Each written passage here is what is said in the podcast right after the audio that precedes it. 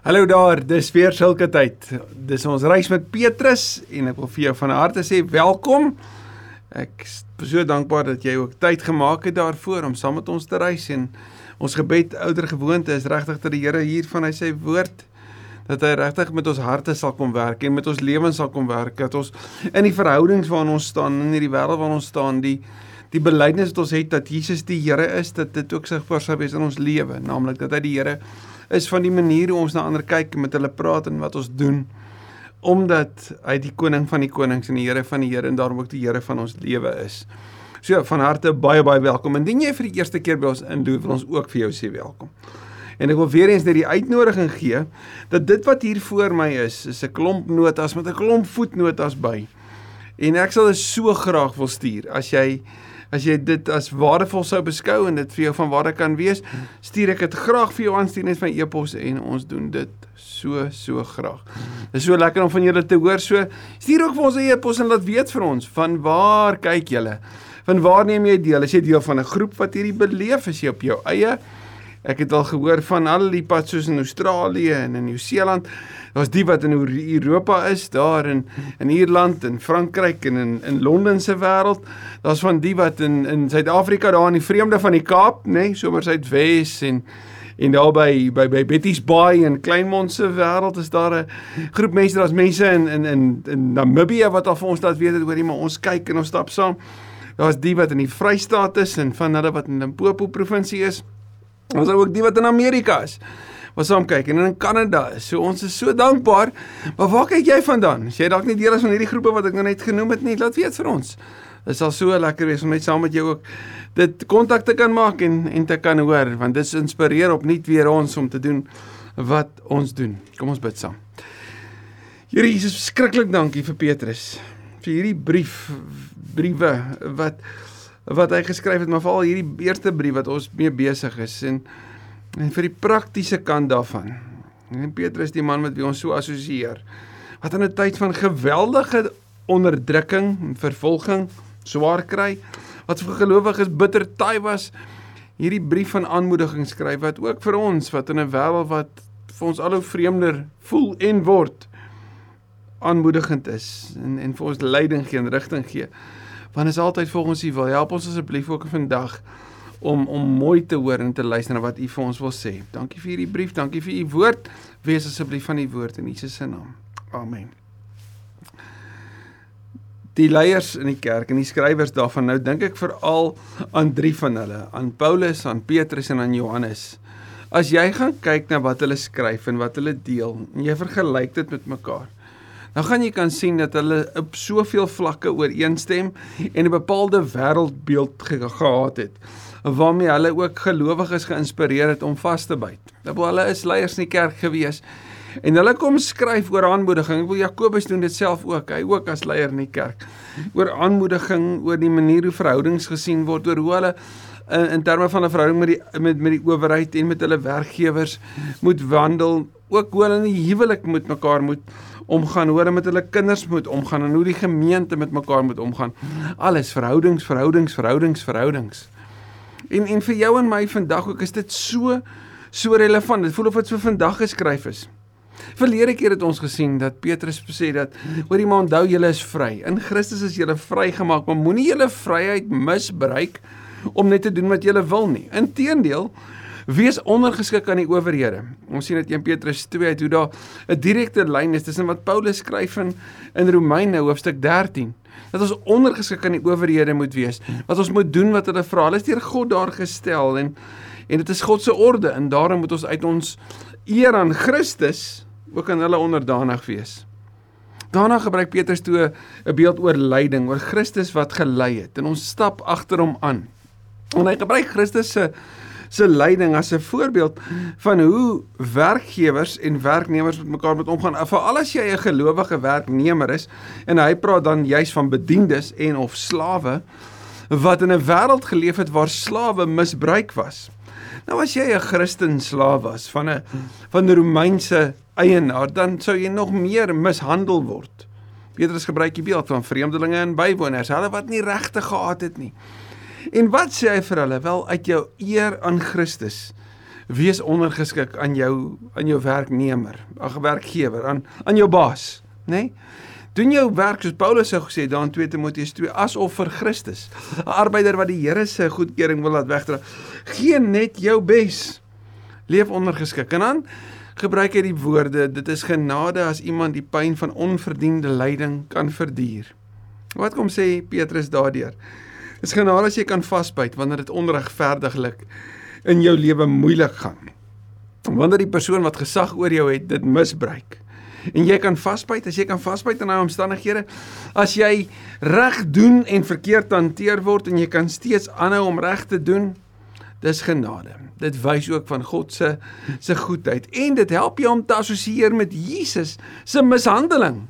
Mense wat hulle gesag misbruik het, gesag wat hulle van God af gekry het, ook in terme van Christus en wat met hom gebeur het.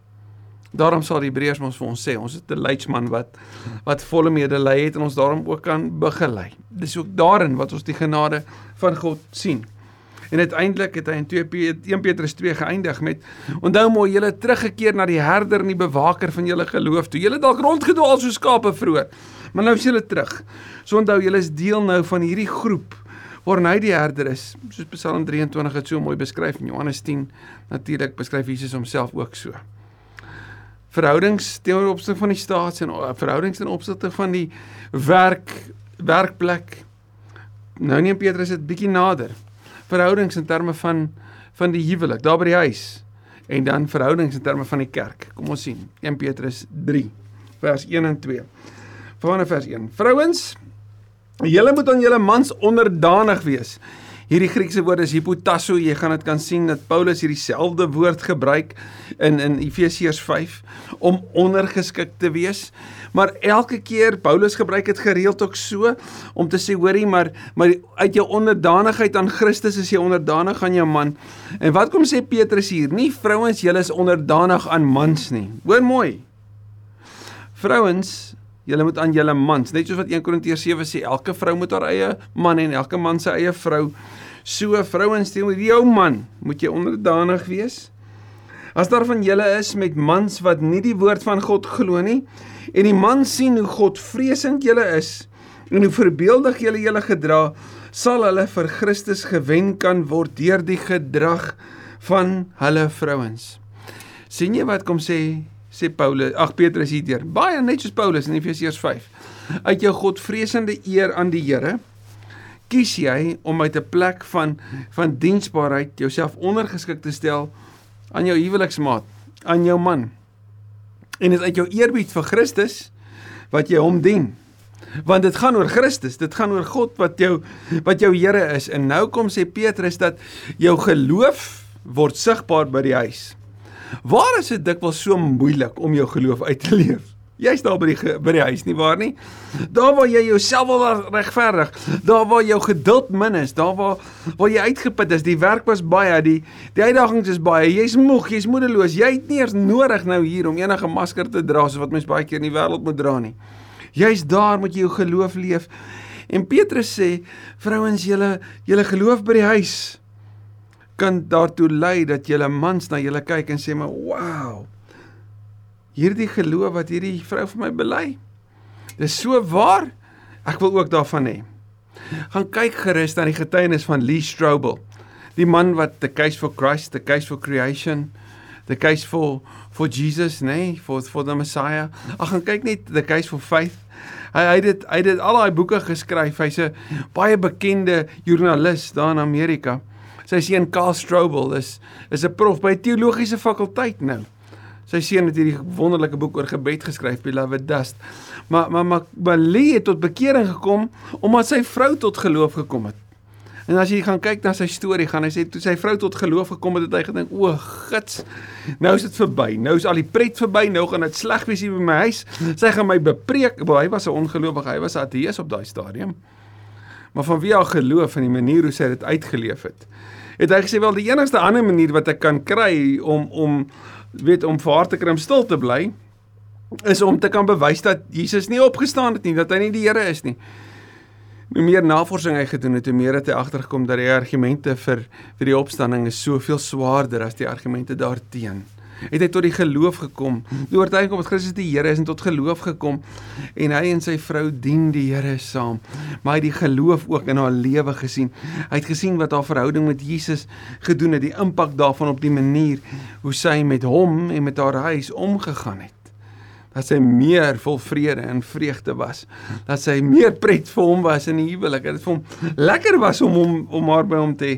Dat dit nie hierdie stroewe, stywe ek wou amper sê ongenaakbare godsdiens wat dood was en en, en net struktuur geskep het en vrees gebring het. Nie, nee, dit was dit was lig en lewendig en dit was eg en hy kon dit in haar lewe sien. Hier kom sê Petrus. 'n Hele voorbeeld kan julle mans tot geloof in Jesus laat lei. Dit sal nie eens vir julle nodig wees om 'n woord te sê nie. Dis nou op grond daarvan dat mense seker sou sê wanneer jy die evangelie verkondig, doen dit elke dag en as dit nodig is, gebruik woorde. Vers 3: Julle skoonheid moenie bestaan in uiterlike dinge soos haarkapsels, juwele en sierlike klere nie. Hier kom sê Petrus nie dat jy nie so mag lyk nie. Hy kom sê vind jou skoonheid in iets anders. En hierin kom sê hy dat die die Christen vroue moet anders lyk as die wêreld waarbinne hulle leef. Hulle moet iets anders hê en hier sê wat? Julle skoonheid vers 4 moet die van die innerlike mens wees. En hoe's dit? Blywende beskeidenheid en kalmte van gees. Dit het by God groot waarde. Hierdie blywende beskeidenheid en kalmte van gees is om nie opvleend te raak nie. Paulus skryf ook daaroor, nes Petrus dit hier sê. Dit herinner so aan die vrug van die Gees. Blywende beskeidenheid is nie om meer van jouself te dink nie. Is om sagmoedig te wees, nê? Nederig van hart, net soos wat Jesus homself beskryf daar in Matteus 11 vers 28 en 29. Beskeie, nederig. Dit het by God groot waarde. In die ou dae het die gelowige vrouens wat op God gehoop het, hulle ook so versier. Hulle was ook bekend daarvoor. Ons Spreuke 31 sal seker iets daarvan ook kon beskryf. Hulle was aan hulle mans onderdanig. Nou hierdie vertel verseker van 'n gesagstruktuur wat wat waarskynlik in die Ou Testament ook ook 'n realiteit was in die wêreld van van daai tyd waar was. Maar maar maar hierdie in die in terme van van die die die siening van die Nuwe Testament en dan ook veral van Petrus en Paulus in terme van die plek van vroue hierdie het niks te doen met met met met 'n hiërargie nie. Maar met 'n ingesteldheid. En hy gaan verseker by die mans ook uitkom.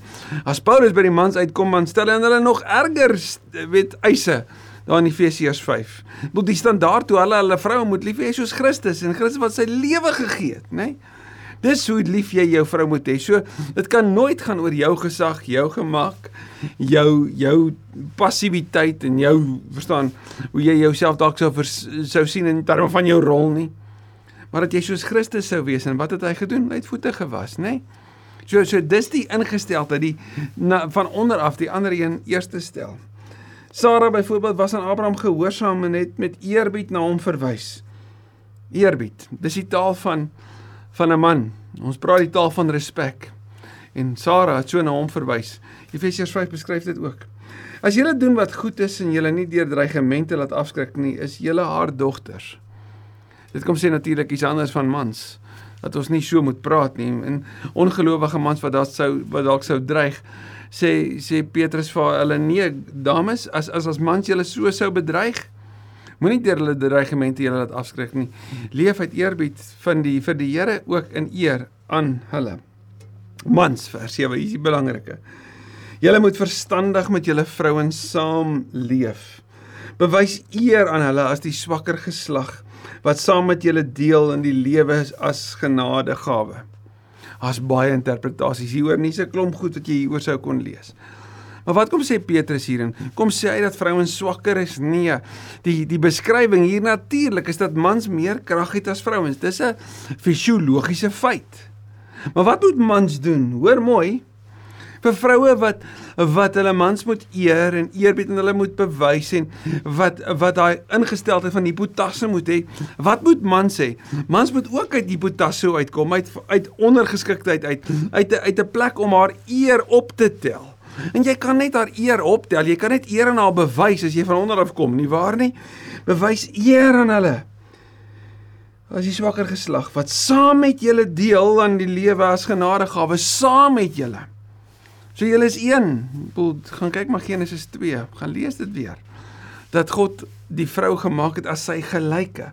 So hierdie het glad nie te doen op die tradisionele of dalk vorige opinies wat ons hieroor sou hoor van mans is beter nie. Dit is glad nie die ingesteldheid hiervan nie. Dan sal julle kan bid sonder dat iets julle hinder. Ooh, as ons net hierdie vers op net net weer op kan fokus. Want hierdie het nie net te doen met die man en vrou nie, hierdie het ook te doen met die werkgewer werknemer, hierdie het ook te doen met die staat. sien jy dat ons verhouding teenoor opsigte van die staat en ons van ons werkplek en teenoor opsigte van ons huwelik het al drie daai verhoudings het 'n direkte effek op ons verhouding met die Here. As ons dit reg doen, kan ons bid sonder dat iets ons hinder. In die Grieks hier, as jy gaan kyk hoe die formulering is, dui op die al die voorafgaande, nie net op die direkte nie. Maar kom ons vat die direkte nou net as voorbeeld. Die manier hoe ons met mekaar by die huis omgaan as gelowiges het 'n effek op die manier hoe ons op ons knieë voor die Here kan wees. Het 'n effek op die manier hoe ons bid. So dit help nie. Ek het al hierdie vrome woorde waarmee ek bid en en voorgaan en ek leef dit nie by die huis nie. Dit help ook nie ek leef net by die huis en ek en ek en ek verlaat my gebedslewe nie. Die twee is verbind aan mekaar. Bewys eer aan hulle, sê Petrus. Ten slotte Wees almal eengesind en hierdie is nou weer 'n opsomming en dit sluit so aan dit is dit is soos Petrus se se klomp gebooie bymekaar. Iemand sou sê dis Petrus se 10 gebooie oor hoe jy hierdie prakties by die huis sou leef. En hoe leef ons hierdie hierdie eerbied en en hierdie verhoudings uit prakties en gaan kyk 'n bietjie mooi na hoe Paulus dit uitpak in Romeine 12 is baie baie dieselfde. Ten slotte, wees almal eensgesind, eensgesind. Een van hart, een van fokus. Efesiërs 4 beskryf dit ook. Medelydend, liefdevol, goedhartig en nederig. Sluit weer aan by Galasiërs 5:22. Leef met daai gesindheid wat so duidelik is dat die Gees teenwoordig is in jou lewe, dat die vrug daarvan duidelik word. Moenie kwaad met kwaad vergeld, dis Romeine 12, of belediging met belediging nie. Inteendeel, antwoord met 'n seënwens. En die woord seënwens is nie 'n sarkastiese manier van antwoord nie, soos met al bless you en ek het al mense gesien wat sê bless you, dan is dit bless you eintlik ek gaan nou niks verder met jou praat nie. Die die tieners sou praat van stonewalling. Ek ek sit hierdie muur tussen jou en my. Bless jou. Ek gaan nie met jou praat verder nie, kry vir jou. Dis 'n ongeskikte manier van iemand uitstoot. Iemand afsny. Dis nie waarvan dit hier praat nie. Om te antwoord met 'n seën wens is letterlik om te sê mag daar genade en vrede vir jou wees. Mag die Here by jou wees. Mag dit met jou goed gaan. Die Here seën jou, hy beskerm jou, hy bewaar jou. Hy skyn sy aangesig oor jou ensovoorts. Nie antwoord met 'n seën wens want daartoe is jy geroep. Ons moet mense van vrede wees. Ons moet mense wees wat vredemakers is. Mense wat 'n seën vir die wêreld is sodat jy die seën van God kan kry. Die seën van God rus op sy kinders wat 'n seën is vir sy wêreld. Daar staan geskrywe as iemand die lewe liefhet en 'n lang lewe begeer om die goeie te geniet, moet hy sy tong weerhou van kwaad praat en sy lippe van leuns. Want kwaad praat en leuns vertroebel verhoudings. En as jy die seën wil hê in die Ou Testament was 'n lang ter, lang lewe 'n direkte direkte ver, verband tussen 'n lang lewe en 'n seën van die Here. Bedoel die prediker maak baie hiervan en vra ook vra hieroor. So ons sou nie vandag kon sê hoor iemand uh, iemand wat oud is is iemand wat wat wat dit verdien het nie.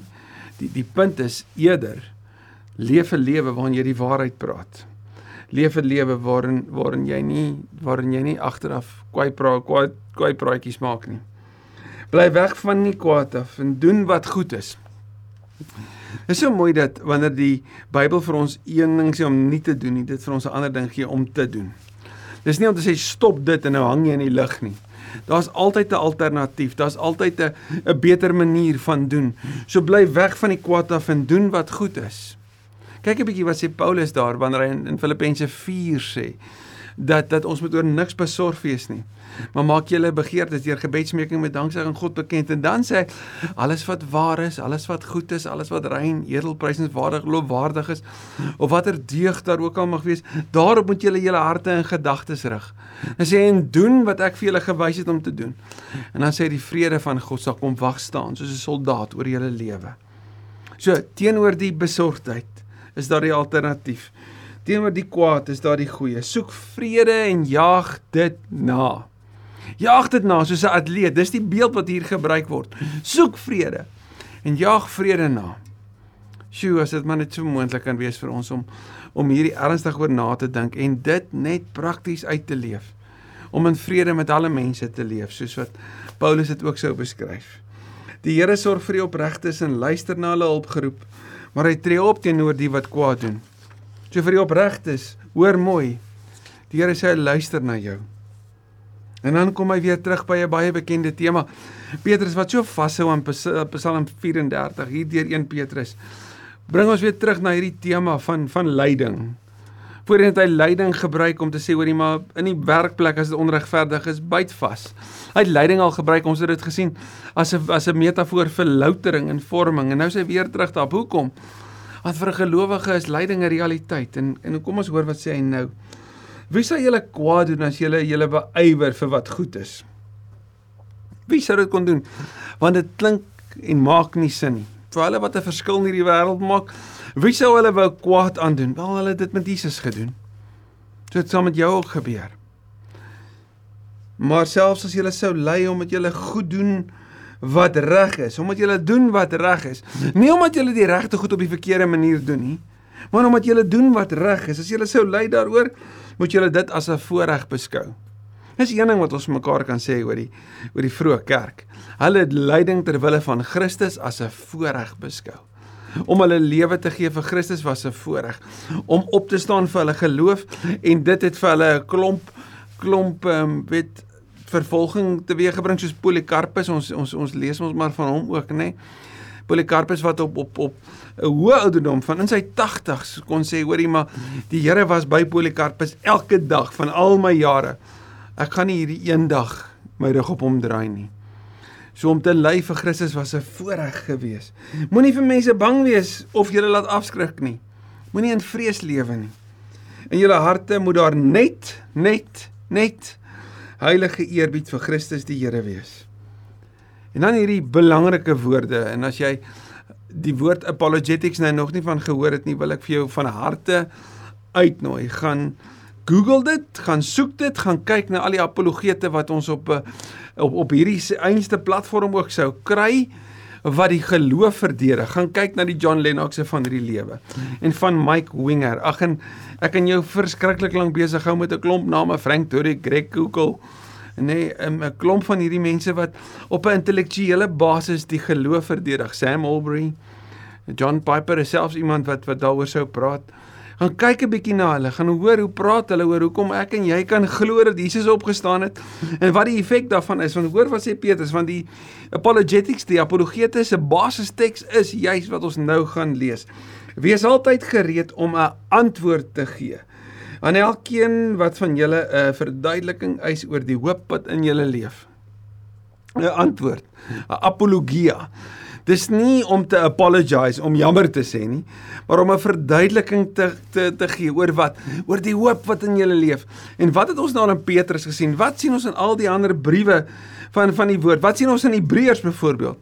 Ons het 'n hoop wat 'n veilige lewensanker aanderkant die voorhangsel is. Ons het 'n hoop wat lewend is, wat nie beskaam nie wat anders is as as as, as wensdenkery van die toekoms. Dis vas, dis lewend soos Henry Nouwen dit ook sou beskryf. Dis iets wat nooit verander nie. Wat nie tydelik gekoppel is aan emosie nie. Dis 'n vaste hoop om 'n verduideliking te eis oor die hoop wat in julle lewe en as dit lewe is dit nie dood nie, dan groei dit en is dit sigbaar. Maar hoe doen ons dit? Hier beskryf hy dit netjies wat hy die dames beskryf het van hoe hulle moet optree. So sê moet gelowiges optree. Doen dit met beskeidenheid en met eerbied vir God. Net arrogansie uit nie, maar uit 'n mooi plek van beskeidenheid. Sorg dat julle gewete skoon bly. So leef 'n lewe toegewy aan die Here. Sodat die wat julle oor julle goeie lewenswandel in Christus belaster, hulle wat agter julle rug praat, daaroor skaam kan kry dat hulle kwaad oor julle gepraat het.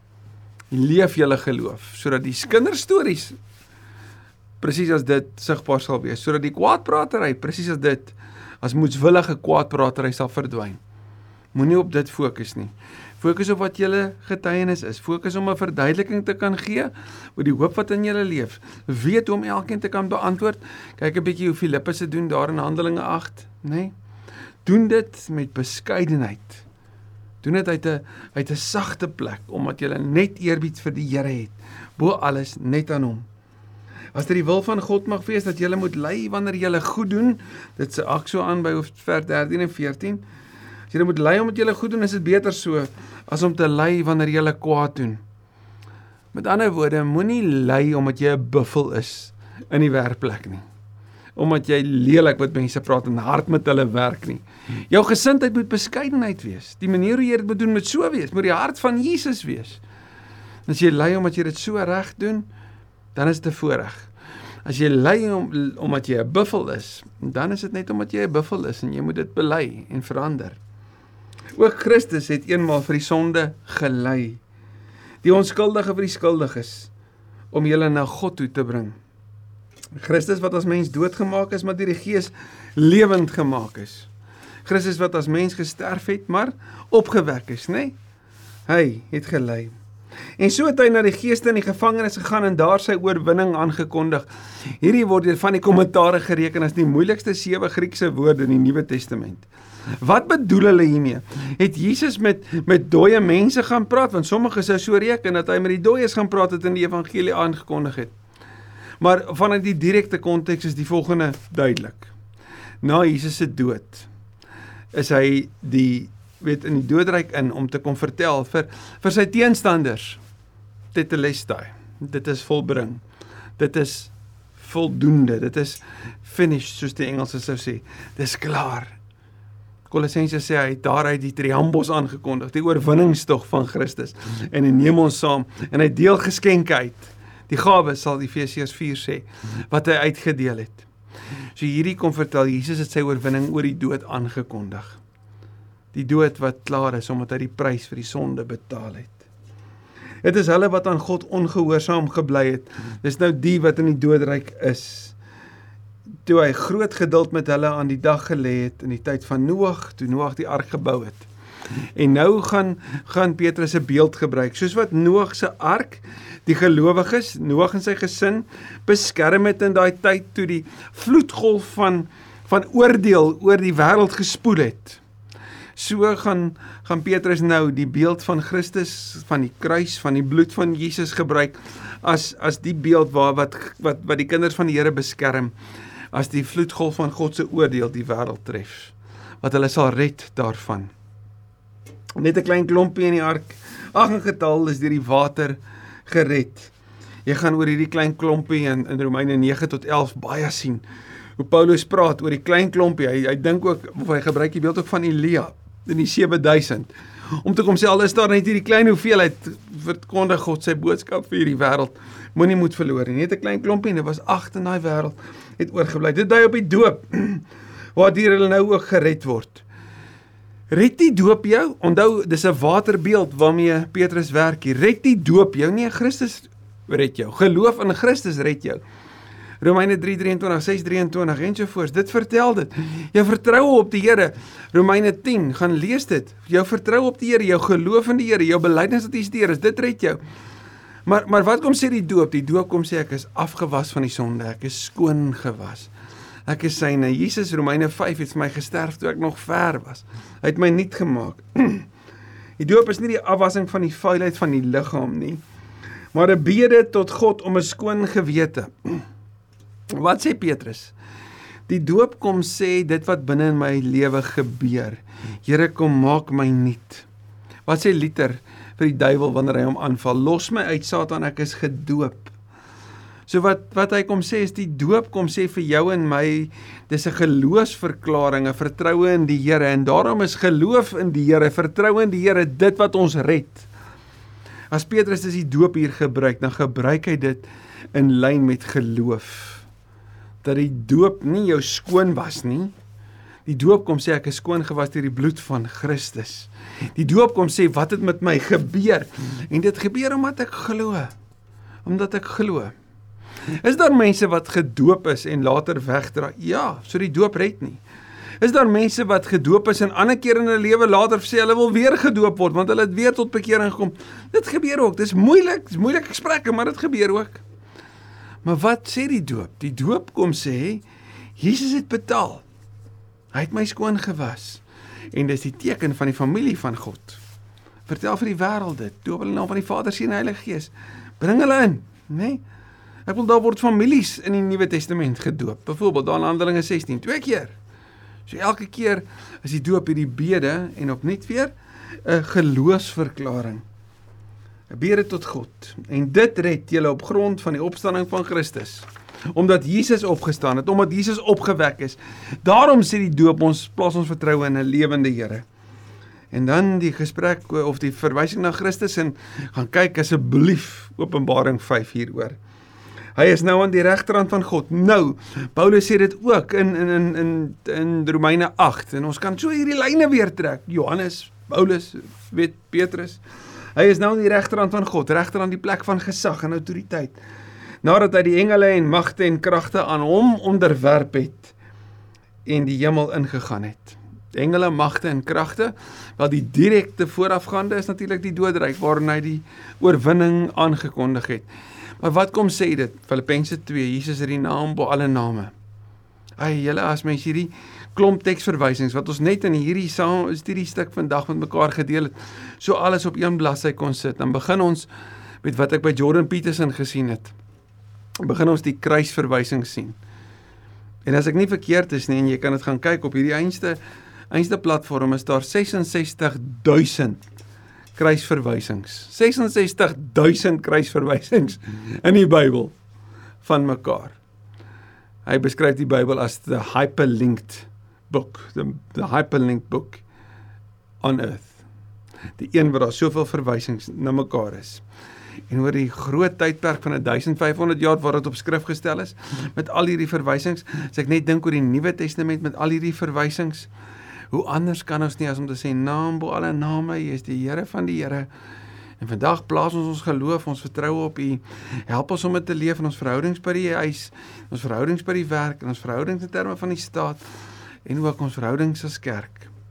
Volgende week pak ons dit verder uit. Dankie Here vir U woord en vir die uitdagings daarvan, vir die aanmoediging daarvan vir wat U vandag vir ons kom sê het. Mag ons antwoord daarop in Jesus se naam. Amen. Mooi week vir jou.